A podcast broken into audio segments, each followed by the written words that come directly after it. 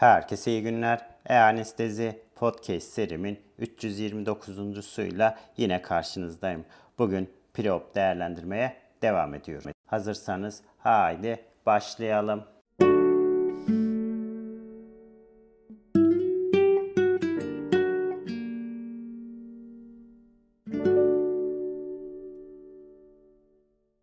Herkese iyi günler. E-Anestezi Podcast serimin 329.suyla yine karşınızdayım. Bugün preop değerlendirmeye devam ediyoruz. Bugün iskemik kalp hastalığı olan hastaları preop değerlendirmeye devam ediyoruz. Preoperatif kardiyak risk değerlendirme algoritmaları değişik dernekler tarafından algoritmalar oluşturulmuştur. Bu algoritmalar biraz farklı hedef kitlerine sahiptir. Amerikan Kardiyoloji Derneği'nin algoritması non-kardiyak cerrahi geçiren, bilinen iskemik kalp hastalığı veya ilişkili risk faktörü olan hastaları kapsamaktadır. Ve bu yönergeler 45 yaşında veya daha büyük ya da şiddetli kardiyovasküler hastalığı olan yani bu iskemik kalp hastalığı, serebrovasküler hastalığı, periferik arter hastalığı, kalp yetmezliği, şiddetli pulmoner hipertansiyonu, şiddetli obstrüktif kalp kapak hastalığı olup da hastanede birkaç gün kalmalarını gerektiren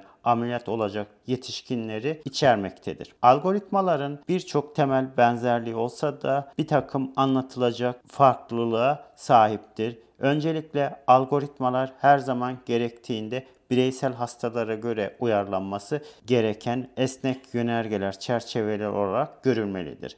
Bu risk değerlendirme algoritmalarındaki ilk adım planlanan ameliyatın aciliyet değerlendirmesidir ve bu yönergeler acil durum prosedürlerini ameliyatın 6 saat veya daha kısa sürede yapılmazsa yaşamın veya uzuvların tehdit altında olacağı bir prosedür olarak tanımlanmıştır. Acil prosedüründe ise ameliyat 6 ila 24 saat içinde başlamazsa yaşam veya uzuv tehdit altında olacaktır. Ve bu 1 ila 6 haftayı aşan gecikmeler sonuçları olumsuz etkileyecektir. Nedir bunlar? Çoğu onkolojik ameliyatlar sınıf girmektedir. Bu sınıflandırma şemasına göre hastalar preoperatif kardiyak değerlendirmeye gerek kalmadan doğrudan gerekli herhangi bir acil cerrahiye geçmelidir. Bu bireyler için odak noktası gözetim ve herhangi bir postoperatif kardiyovasküler komplikasyon erken tedavisi üzerine olmalıdır. Buradaki ikinci adım ise aktif kalp rahatsızlıkları olan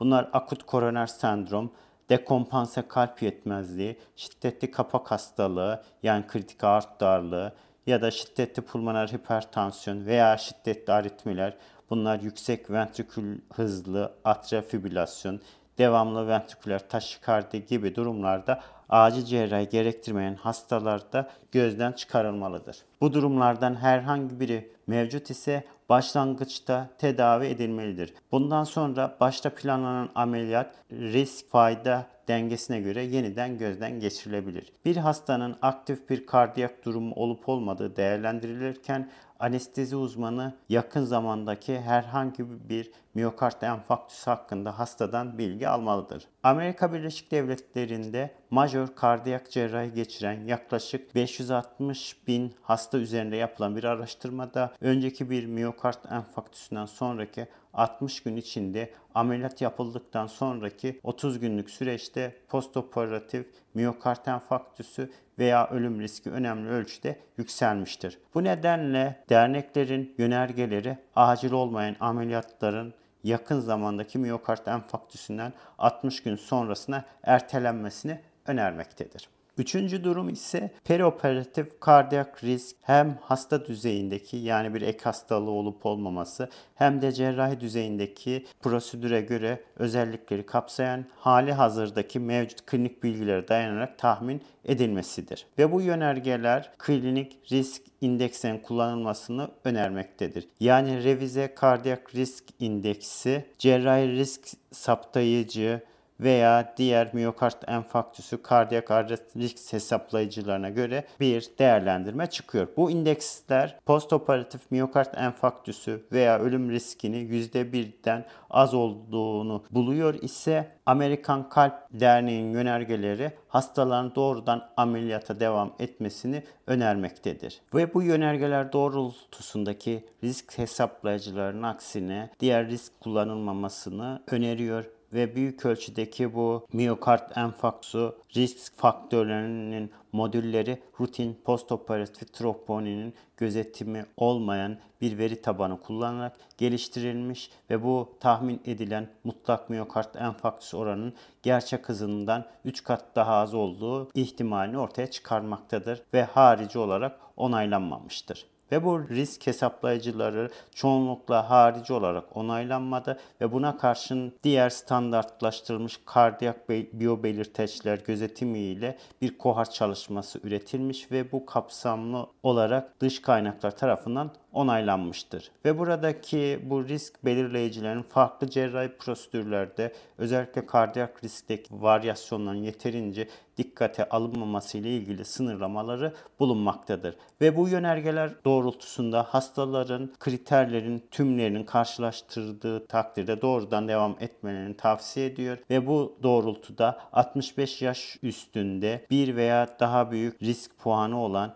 ve önemli kardiyovasküler kalp hastalığı öyküsü olmaması yani bir koroner arter hastalığı, serebrovasküler hastalık, periferik arter hastalığı, kalp yetmezliği, pulmoner hipertansiyon veya şiddetli obstrüktif kardiyak kapak hastalığı gibi durumlar. Dördüncü durum ise bu Amerikan ve Kanada preoperatif risk değerlendirme algoritması arasında önemli farklılıklar bulunmaktadır. Bu Amerikan Kalp Derneği'nin algoritması işlevsel kapasitenin 4 veya daha fazla met olan bir hastanın doğrudan ameliyata geçmesini öneriyor. Bu yönergeler çoğunlukla preoperatif egzersiz testi ile ilgili daha eski çalışmalara ve yeni çalışmalara dayanmaktadır. Ve zayıf işlevsel kapasite ile yüksek perioperatif kardiyak risk arasındaki bir ilişki bulunmuştur. Bu öneriyle ilgili en büyük klinik zorluk klinik uygulamalarda hastaların preoperatif işlevsel kapasitesinin en iyi nasıl tahmin edileceği ile ilgilidir. Her zamanki preoperatif hastalık öyküsüne dayalı işlevsel kapasitenin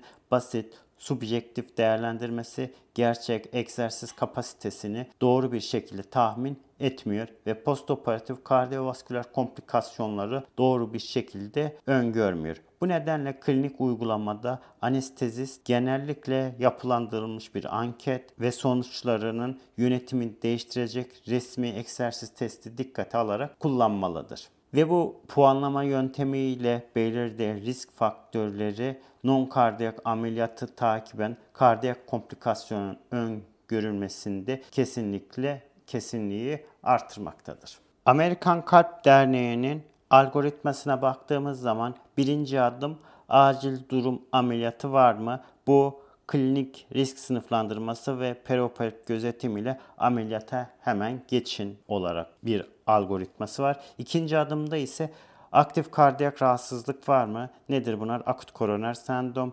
sendrom, dekompanse kalp yetmezliği, şiddetli aritmi, şiddetli kapak hastalığı var mı? Ve burada planlı ameliyatı durum önce değerlendirilip ardından yönergeye yönelik terapi kullanılarak tedavi edilene kadar erteleyin. Burada bu durum var ise üçüncü adıma geçiyor. Üçüncü adımda ise perioperatif ölüm veya miyokard risk değerlendirmesi yapın diyor ve buradaki risk hesaplamalarını belirleyin diyor ve revize kardiyak risk indeksini kullanın. Bu revize kardiyak risk indeksi 2 veya üzeri bir puana göre yüksek risklidir. Eğer bu durum var ise eğer tahmini risk %1'den az ise ameliyat sürecine geçin diyor. Dördüncü adım ise işlevsel kapasiteyi değerlendirin. Burada eğer işlevsel kapasite 4 veya daha yüksek eş değeri ise ameliyat sürecine geçin diyor.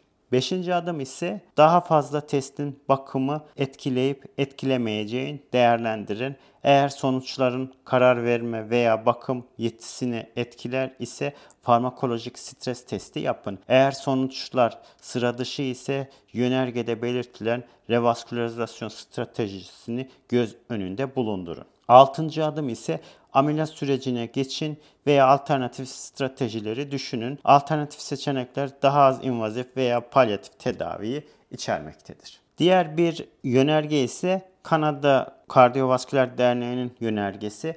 Buradaki ilk ad, birinci adım acil durum ameliyatını belirleyin. Bu 65 yaş ve üzeri önemli kardiyovasküler hastalığı olan yani 18-64 yaş arası hastalar için ameliyat sonrası troponin takibiyle ameliyat sürecine geçiniz diyor. İkinci adım ise yarı acil ameliyat. Örnekler arasında kalça kırığı ameliyatı, akut bağırsak tıkanıklığı ameliyatı ve kanser ameliyatı sayılabilir. Burada preoperatif kardiyak değerlendirmeyi yalnızca stabil olmayan kardiyak durumlar, şüpheli ciddi pulmoner hipertansiyon veya şüpheli obstrüktif kapak hastalığı için yapınız. Aksi durumda ise 65 yaş ve üzeri veya şiddetli kardiyovasküler hastalığı olan 18-64 yaş arası hastalar için ameliyat sonrası troponin takibiyle ameliyat sürecine geçin diyor. Üçüncü adım ise perioperatif kardiyak risk tahmininde bulunun. Burada yaş, revize kardiyak risk endeks puanı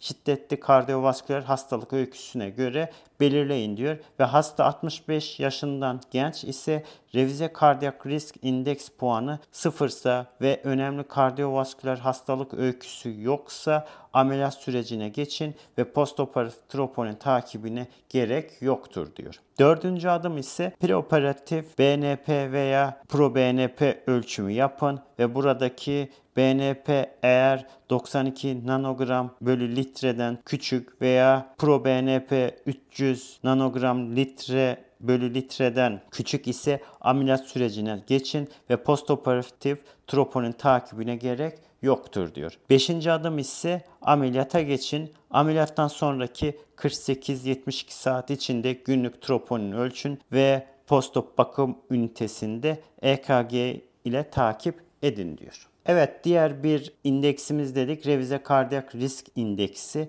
Burada baktığımız zaman yüksek riskli bir cerrahi yani intraperitoneal, intratorasik veya suprainguinal vasküler prosedürleri içeriyorsa buna 1 puan veriyoruz. Ya da iskemik kalp hastalığı varsa yani herhangi bir teşhis kriterine göre var ise buna yine 1 puan veriyoruz. Konjestif kalp yetmezliği öyküsü varsa yine 1 puan veriyoruz. Serebrovasküler hastalık öyküsü varsa yine buna 1 puan veriyoruz. İnsülin gerektiren diyabeti varsa yine 1 puan veriyoruz. Eğer kreatinin 2 mg bölü desilitreden büyük ise yine buna 1 puan veriyoruz. Revize kardiyak risk indeksi eğer 0 puan ise bu şiddetli kardiyak vaka riski %0.4'tür. Eğer revize kardiyak risk indeksi skoru 1 puan ise bundaki şiddetli kardiyak vaka riski %1'dir. Eğer revize kardiyak risk indeks skoru 2 ise bunda şiddetli kardiyak vaka riski